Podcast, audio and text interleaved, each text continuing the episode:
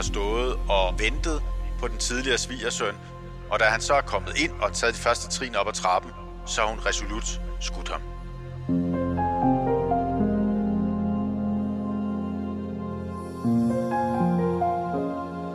To drab og et planlagt legemord.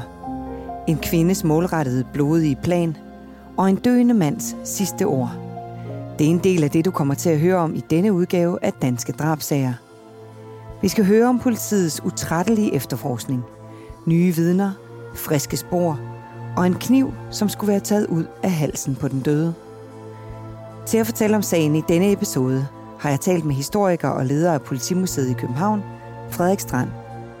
Mit navn er Stine Bolter. Velkommen til podcasten Danske Drabsager, fortalt af de fagfolk, der har været helt tæt på. Julefreden har sænket sig over den lille by Biersted nær Aalborg. Kravlenisser hænger i reolerne, og der bliver skålet og spist julefrokost rundt om i de små hjem. Men i et af byens parcelhuse er der alt andet end idyl. Her bliver en 35-årig mand tæsket og stukket ihjel. Over 20 gange lader gerningsmanden grillkniven gå ind og ud af sit offer.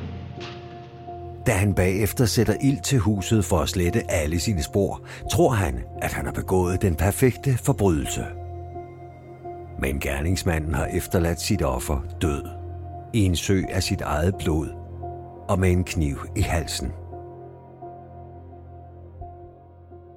Vi starter dagens udgave af Danske Drabsager i 1992. Det var året, de færreste danskere glemmer, for det var her, hvor det danske landshold havde vundet EM i fodbold. Leder af Politimuseet og historiker Frederik Strand tager os tilbage til 3. juledag den 27. december det år. Vi er i 1992 i den jyske by Biersted. Her bliver øh, politiet tilkaldt til en øh, brand. Der har været brand i et parcelhus. De går ind i huset og igennem værelserne der. Der var øh, både politi og redning, der er blevet tilkaldt. Og inde i huset, der finder de en middelalderne mand. Og øh, ud af hans hals stikker der en kniv. En kniv med et takket blad, en stikkniv. Så den finder man altså i offeret, og han ligger altså inde i, øh, i det nedbrændte hus. Man kan se i forhold til offeret, selvfølgelig kan man, kan man vurdere og, og, og konkludere ud fra, at der stikker en kniv ud af halsen på ham. Det er ikke noget, han selv har stået bag. Han er altså ikke død af røgforgiftning eller omkommet i branden som sådan. Han er omkommet ved, at nogen har stukket ham ned. Og derudover så kan man også se, at der har været kamp inde i, øh, i huset, og øh, et vindue er i øvrigt også øh, åbent i parcelhuset, som en har forsøgt enten at komme ind eller at komme øh, ud af. Så man kan så ud fra de første undersøgelser på gerningsstedet konkludere, at her har der været tale om et drab, og man formoder også, at efterfølgende så har øh, gerningsmanden forsøgt at sætte ild til huset, for øh, højst sandsynligt at sløre sine spor. Borgerne i Biersted var i chok. Manddrab og en stor ildebrand. Det er ikke hverdagskost i den lille jyske by. Efterforskerne og kriminalteknikerne gik i gang med at undersøge brandtomten, og som Frederik Strand fortæller nu, var noget af det vigtigste for dem at finde ud af alt om den dræbte mand. Om offeret kan man øh, fastslå, at han er en midaldrende mand, han er førtidspensionist, og altså ikke har, har voldsomt mange penge, må man også ud fra det uh, konkludere. Huset er også af beskeden karakter. Derfor så øh, formoder man fra starten af, at der formentlig ikke er tale om et rovmor, men andre årsager, der ligger bag. Og man øh, dykker så ned i, øh, i familieforholdene, og det man kan se, det er, at øh, manden har to døtre, og han er fraskilt. Han har en, øh, en kone, og øh, pågældende kone har øh, fundet sammen med en anden mand, en ung mand. Han er meget yngre end hende. Han er på øh, det her tidspunkt 18 år, og øh, hun er i 30'erne. Og det er sådan, at døtrene de bor dels hos faren og dels hos moren. Og det er klart, eftersom man i starten har en formodning om, at der næppe er tale om et øh, rovmor, man kan heller ikke øh, konkludere, at der er sådan taget noget fra huset af, af, af værdi, så begynder man at se på den nære familie. Kan der være noget der, som øh, kunne være et motiv til, øh, til drabet? Man afhører i særdeleshed moren og hendes mand. de kan begge to berette, at de på øh, gerningstidspunktet, hvor manden er blevet slået ihjel, der har de øh, været sammen, og øh, de har været øh, opholdt sig begge to i den fraskilte kones hus. Og hun hedder jo et Gurli. Så der har de øh, opholdt sig, og de har ikke været borte fra huset i den periode, hvor drabet har, øh, har fundet sted. Efterfølgende så laver man også en rensagning på øh, deres bopæl. Man finder ikke noget, øh, nogle spor, der øh, peger på, at de har været involveret i drabet. For eksempel øh, blodigt tøj eller lignende, det finder man ikke i deres hus. Der er altså ikke noget, der tyder på, at de har været involveret i drabet. Øh, og de giver jo hinanden gensidigt et alibi. Eftersom man ikke kan finde noget, der kan forbinde dem til drabet, glider de sådan set ud af efterforskningen efterfølgende. Man står altså med en drabsag, hvor man ikke umiddelbart kan koble nogle af de nære personer til drabet. Det lokale politi tilkaldte også Rigspolitiets rejsehold for at få hul på efterforskningen. Man ser jo på, om han har nogle fjender. Han har nogle personer, som måske skylder ham penge, eller hvor han måske selv står i en eller anden form for skyldnerforhold, og der er ikke noget, der tyder på det. Han lader til at være meget øh, velset i, øh, i lokalområdet. Han er en flink, øh, stille og rolig person, og han har ikke nogen udstående med nogen personer. Så, så man kan sige, at de her forskellige øh, andre motiver kan man faktisk lukke ned. Og problemstillingen lever så i, at i forhold til den nære familie, der er der heller ikke noget, der sådan, som udgangspunkt peger på, at de eventuelt skulle stå bag drabet. Men det er værd her at pointere, at den myrdede har en bror, og broren gør politiet opmærksom på, at han er den overbevisning, at brorens tidligere kone, Gurli, hun står bag drabet. Det er hende, der på en eller anden måde har været involveret i det. Og det er en lidt særpræget og speciel historie, fordi det, man finder ud af undervejs under efterforskningen, det er, at broren tidligere har stået et forhold til Gurli. Og øh, med broren, der har Gurli fået en af de døtre, som hun har. Så den myrdede er altså ikke far til begge døtre, kun en af dem. Og det er jo yderst særpræget, også fordi efterfølgende peger broren på, at Gurli kan være mulig gerningsmand bag drabet. Det skal jo påpeges senere hen, at Gurli hun øh, selv gør opmærksom på, at brugeren måske kan på en eller anden måde have været involveret i sagen. Det var altså ord mod ord og en meget kompliceret sag på mange måder. Efterforskerne valgte dog at se nærmere på kvinden Gurli. Det er Gurli. Hun til synligheden har forhold til flere forskellige mænd, blandt andet den myrdedes øh, bror, og derudover har hun altså også et nyt forhold med en øh, meget ung kæreste. Og noget tyder på, at Gurli har en, en særlig tiltrækningskraft på forskellige mænd. Det er i hvert fald noget, som politiet bliver opmærksom på på det her tidspunkt her. Men også, at der er en del tumult og konflikt omkring Gurli.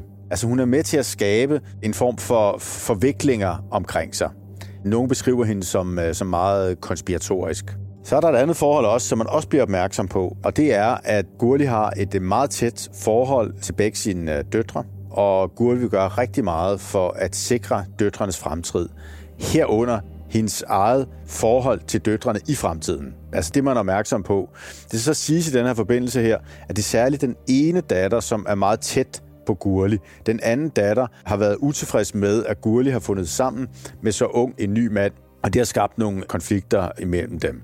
Men som udgangspunkt er, er Gurli meget påpasselig i forhold til sine døtre, og vil gerne have et godt forhold til dem, og har altså et særligt godt forhold til en af døtrene.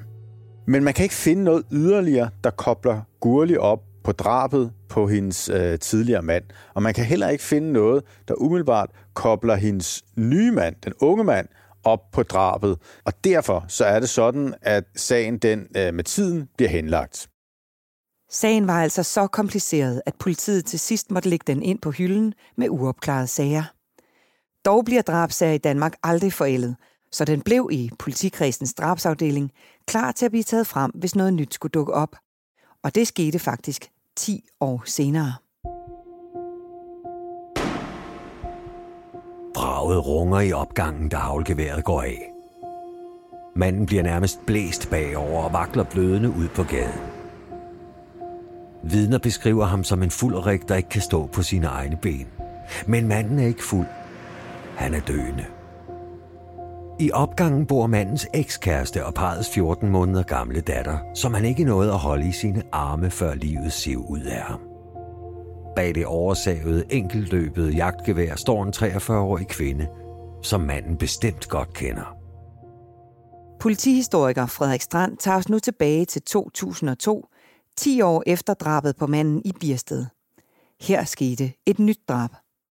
Vi er nu i Aalborg, og ikke længere i Birsted. I Aalborg der er det sådan, at det lokale politi får øh, besked om, at en, øh, en mand er blevet skudt, og efterfølgende er afgået ved døden.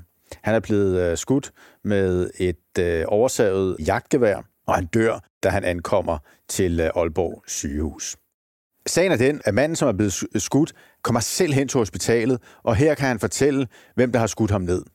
Og han peger på en dame, og den dame er hans tidligere svigermor. Han har været gift med hendes datter, og øh, svigermoren er Gurli. Og da politiet forsøger at få fat på Gurli, så er hun stukket af. Hun er stukket af øh, i sin bil og er, er flygtet ud af Aalborg. Efterfølgende så lykkes det at pågribe Gurli, mens hun stadigvæk sidder i, øh, i bilen. Og man tager hende ind til afhøring. Og det er sådan, at Gurli, hun tilstår ganske hurtigt. Hun forklarer, at hun har stået i sin datters hus. Hun har stået op for enden af trappen. Øh, her der har hun øh, haft et øh, oversaget jagtgevær på sig. Og hun har ventet på øh, sin tidligere svigersøn. Svigersønnen er gået fra datteren, og øh, da han er gået fra datteren, så har der været en øh, retslig tvist efterfølgende omkring samkvægsret i forhold til datteren. Det er mundet ud i, at den tidligere svigersøn skal have samkvæg med datteren. Og det er datteren og Gurli stærkt utilfreds med. Og derfor så har Gurli besluttet sig for, at øh, svigersønnen skal ikke se datterens barn, fordi hun frygter for, hvad der så vil ske med barnet. Og derfor så står hun op for enden af trappen. Og hun er også klar til at øh, holde den tidligere svigersøn borte fra, fra barnet. Men hun har ingen intention om at slå ham ihjel. Hun vil bare sørge for, at han ikke kommer ind og, og tager barnet og tager det med sig. Simpelthen fordi hun frygter for barnets liv. Så klarer hun faktisk øh, omkring det. Og der står hun altså op for enden af trappen, og hun ønsker at holde ham borte. Men hun forklarer, at han går, øh, han går op ad trappen, går imod hende, og øh, i den situation, der er det sådan, at han kommer op sådan nærmest så tæt på hende. Hun står med øh, geværet, og derefter, da de så kommer i denne her tumult her, så går geværet af.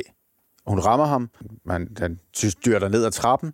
Det lykkes ham at komme ud af huset, ud af døren, og så lykkedes det ham at komme hen på Aalborg sygehus, hvor han faktisk, så vidt jeg husker, vakler ind på hospitalet, og derefter så afgår ved døden.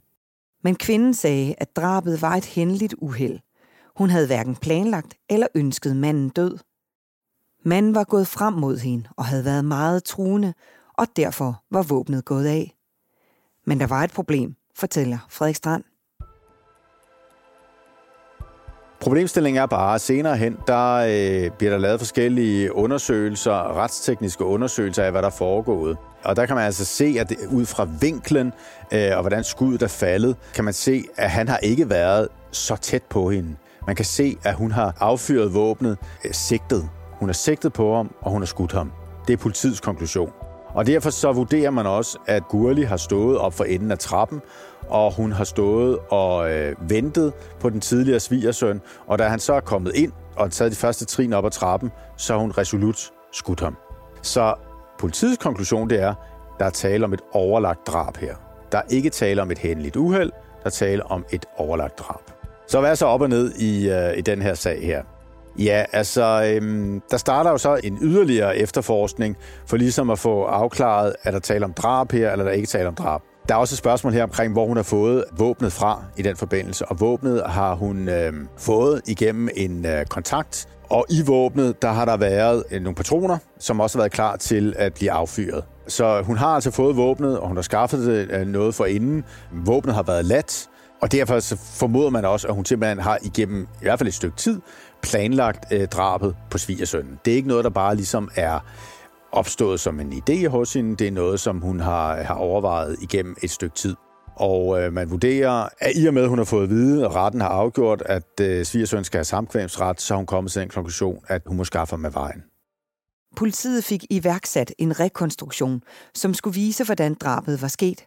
Ud fra det, der kan man konkludere, at den forklaring, som Gurli giver, altså i forhold til skudvinklen og hvor tæt han kommer på, den stemmer ikke.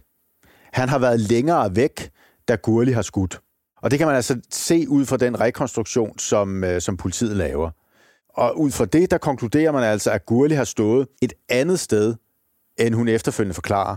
Så hun forklarer altså, at han er kommet tæt på hende, han er, han er truende, og, og så fyrer hun af.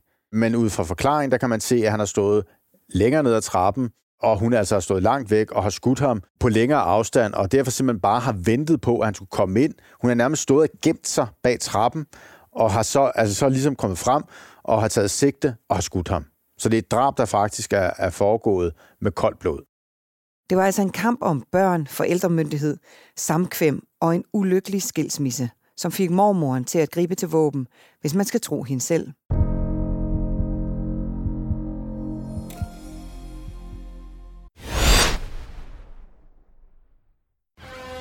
Når du skal fra Sjælland til Jylland Eller omvendt, så er det Molslinjen, du skal med Kom, bado, kom, bado, kom, bado. Få et velfortjent bil og spar 200 kilometer. Kør ombord på Molslinjen fra kun 249 kroner. Kom, bare du.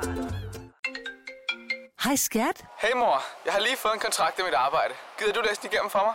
Jeg synes, vi skal ringe til Det Faglige Hus. Så kan de hjælpe os. Det Faglige Hus er også for dine børn. Har du børn, der er over 13 år og i gang med en uddannelse, er deres medlemskab i fagforeningen gratis. Det Faglige Hus. Danmarks billigste fagforening med A-kasse for alle. Arbejder du sommetider hjemme? Så er Bog og ID altid en god idé. Du finder alt til hjemmekontoret, og torsdag, fredag og lørdag får du 20% på HP Printerpatroner. Vi ses i Bog og ID og på Bog og ID.dk. Vi har opfyldt et ønske hos danskerne. Nemlig at se den ikoniske tom skildpadde ret sammen med vores McFlurry. Det er da den bedste nyhed siden nogensinde. Prøv den lækre McFlurry tom skildpadde hos McDonald's.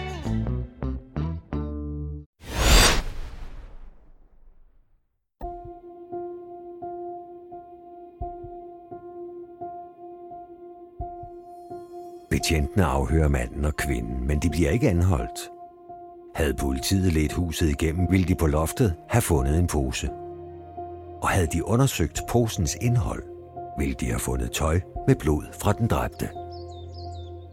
I stedet kan de to personer køre ud i et skovområde, gemme posen med det blodige tøj og et par træsko i en mose.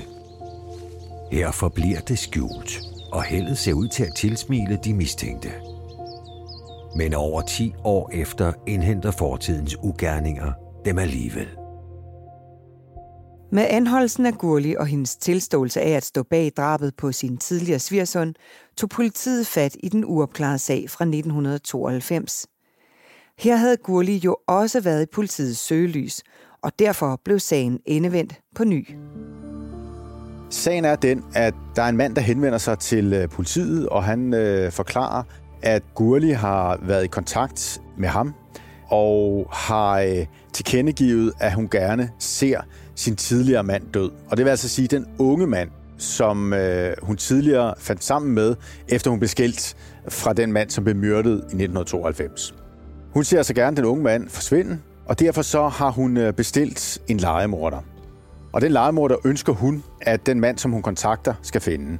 Og hun tilbyder ham en, øh, en større pengesum for at få udført det her drab. Og manden siger, at det kan han givetvis godt finde ud af og han øh, peger på en mulig legemorder, som måske kan skaffes fra, øh, fra Tyskland af. Det skal jo siges, at den mand, som hun kontakter, har hun en forbindelse til igennem en af sine døtre. Og han er en øh, kendt kriminel og øh, har relationer inden for, for bandeverdenen. Og det fortæller han altså til, øh, til politiet. Han fortæller så også, at den her likvideringsopgave, den bliver aldrig gennemført. Men i den periode, hvor Gurli har planlagt, at drabet skal finde sted, der forsvinder hun faktisk øh, ud af landet og ikke til at få fat på. Så øh, han formoder, at Gurli har været af den opfattelse, at drabet skulle effektueres. Men det sker altså ikke. Den legemorder, som skulle øh, hyres til drabet, gennemfører det ikke, og hævder jo også efterfølgende, at, at fra deres side var der ikke tale om et, et øh, reelle hensigt, at man ønskede bare at snyde Gurli for et større pengebeløb. Men den information er selvfølgelig rigtig, rigtig interessant for politiet, fordi hvorfor ønsker Gurli at skaffe sig af med den unge mand, som hun tidligere havde en relation til og tidligere boede sammen med. Altså, hvad er baggrunden for det? Ja, det deres teori kommer til at gå på, det er, at den unge mand, han har tidligere været involveret i drabet på Gurlis fraskilte mand, og han er derfor et farligt vidne, som Gurli på en eller anden måde må skaffe sig af med. Og derfor så har hun ønsket at indgå en aftale med en legemorder, som kan øh, fjerne ham. Og det er altså derfor, at hun nu går af den her vej her og forsøger at skaffe ham af vejen. Og derfor så vil man også meget gerne have fat i, øh, i den unge mand, for ligesom at få hans syn på sagen. Det er jo sådan, at man selvfølgelig afhører Gurli gentagende gange, både fordi hun nu er involveret i et drab her i 2002, og så også efter, at man har fået de her nye informationer om et muligt legemord. Men Gurli, hun benægter alt i forhold til at være involveret i drabet. Tværtimod så peger hun på, at måske det har været sådan, at hendes tidligere mand, den unge mand, på en eller anden måde har været involveret i det her drab her. Men hun hævder, at, at det ved hun ikke noget om. Og man tager sådan en unge mand ind til afhøring, og man starter med at afhøre ham omkring hans relation til drabet i 1992. Og han er i første omgang helt afvisende omkring at have været involveret i drabet. Og han bliver afhørt, og han bliver altså gentagende gange afhørt øh, i forbindelse med sagen. Men han får også at vide, at Gurli har hævdet, at det er givetvis af ham, som har været involveret i, i drabet på hendes tidligere mand.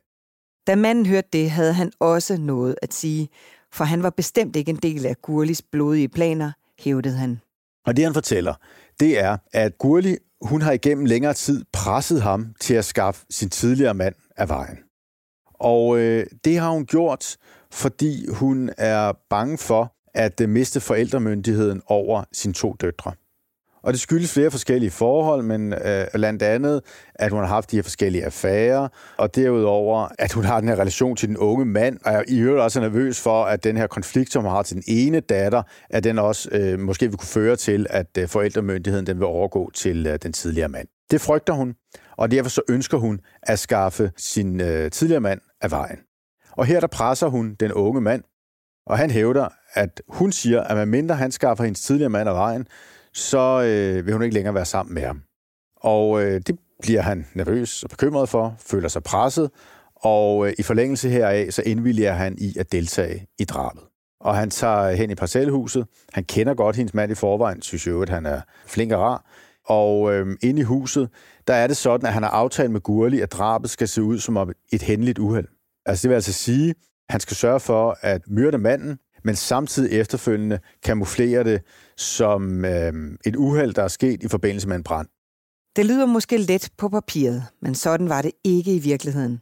For den yngre mand fortalte, at da han var kommet ind i huset, så havde offret sat sig voldsomt til modværge.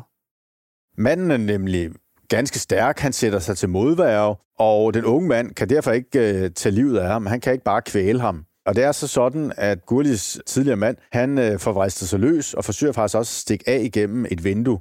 Og der er det så sådan, at den unge mand går ind i køkkenet, og der henter han denne her stik eller grillkniv, og så går han tilbage, og så øh, stikker han Gurlis tidligere mand i halsen, og slår ham på den måde ihjel. Men det er selvfølgelig meget, meget uheldigt i forhold til, hvordan drabet skulle maskeres.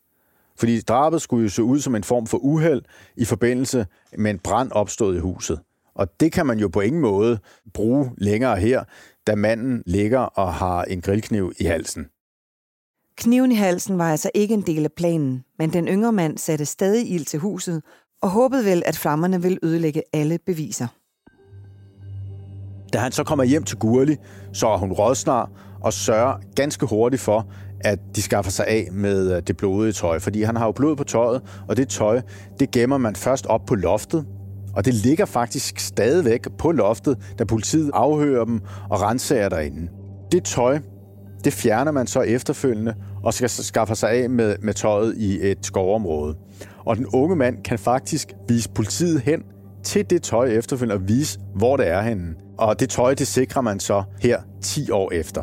Så der har man altså de tekniske beviser i forbindelse med drabet også, nemlig det tøj, som Gurli, den unge mand, skaffede sig af med.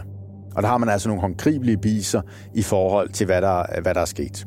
Konfronteret med denne her tilståelse fra den unge mand, så siger Gurli, jamen øh, det er meget muligt, at han har stået bag drabet. Men hun kender intet til det. Hun har aldrig sagt noget omkring det her til ham. Har han følt sig presset, så forstår hun det egentlig ikke. Det er den unge mand, der øh, står bag drabet, og alene står bag drabet på, på hendes tidligere mand. Hun har intet med det at gøre. Det må stå for hans egen regning, om man to må sige. Den ene af hendes støtter bakker han øvrigt også, også op i, øh, i den forbindelse, og peger på, at der kan have været en eller anden form for aversion imod den tidligere mand og den unge mand. Og der ligger sagen altså. Gurli benægter altså, at den unge mand peger altså på, at der er tale om et, et drab, som i virkeligheden er bestilt af Gurli. Og øh, med de her forskellige tilståelser og beviser går politiet så i retten. Politiet står altså nu med tre forskellige sager. Drabet i 1992, drabet i 2002, og så det mulige legemord. Da sagen kom for retten, blev Gurli dømt skyldig i alle tre forhold. Gurli bliver dømt i alle tre forhold. Hun bliver dømt for at have foranstaltet drabet i 1992. Hun bliver dømt for overlagt at have slået sin tidligere svigersøn ihjel i 2002. Og hun bliver dømt for at have bestilt et legemord på den unge mand, som hun boede sammen med efterfølgende imellem 2002 og 1992. Alle tre forhold bliver hun dømt for. Og hun bliver dømt øh, livsvarigt fængsel for alle de tre forbrydelser. Den unge mand bliver idømt 10 års fængsel for at have medvirket til drabet på Gurlis tidligere mand. Problemstillingen er så, at da sagen går videre til øh, højesteret, så er det sådan, at højesteret træffer en anden dom. De vurderer sagen på en anden måde. Konklusionen bliver nemlig fra højesterets side, at Gurli bliver dømt for drabet på sin svigersøn. Hun bliver dømt for at have foranstaltet drabet på sin tidligere mand, men hun bliver ikke dømt for at have foranstaltet legemordet på den unge mand, som hun havde boet sammen med. Og dermed så er det sådan, at drabsagen ændrer karakter, fordi man nu tolker drabsagen som ikke foranstaltet på baggrund af overlagte kalkulationer, hvis man kan sige det sådan, men som en del af en form for familiekonflikt. Og derfor så vurderer højesteret også, at Gurli skal idømmes ikke livstid, men 16 års fængsel. Og man fastholder altså, at den unge mand får 10 års fængsel for medvirken til drab på øh, Gurlis tidligere mand.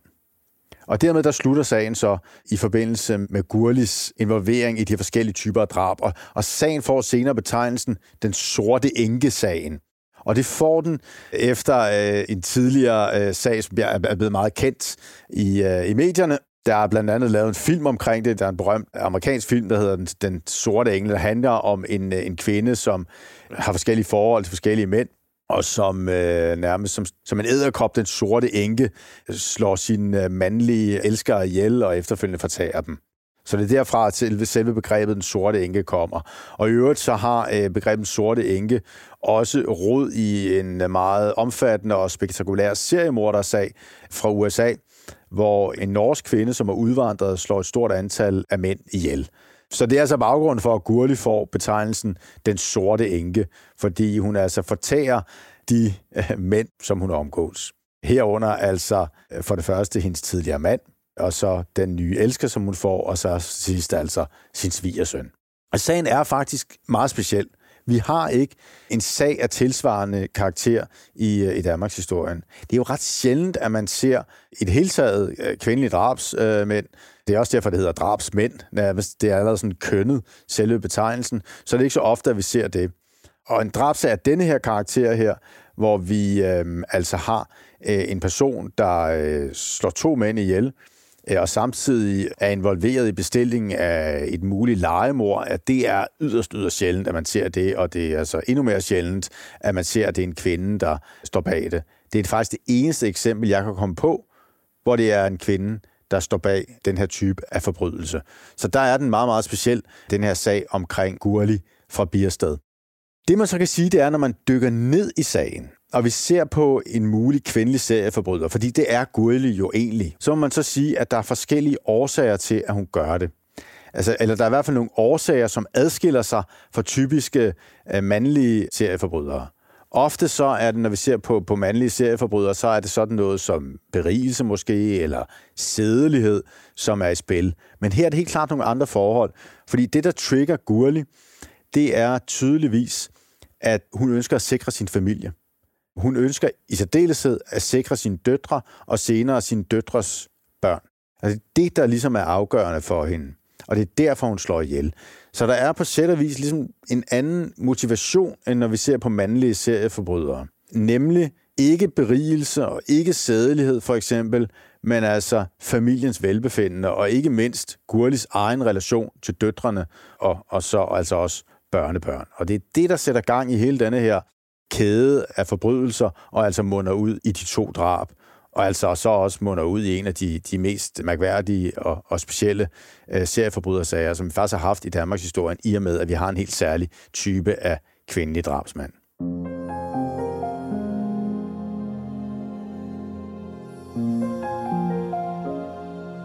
Med dommen blev der sat en stopper for den sorte enke og de drab, der fulgte i hendes kølvand. Tak til historiker og museumsleder Frederik Strand. Speaks indtalt af Henrik Forsum. Musik af potmusik.dk. Klippet af Rasmus Svinger og produceret af Bauer Media og True Crime Agency. Mit navn er Stine Bolter. Tak fordi du lyttede med.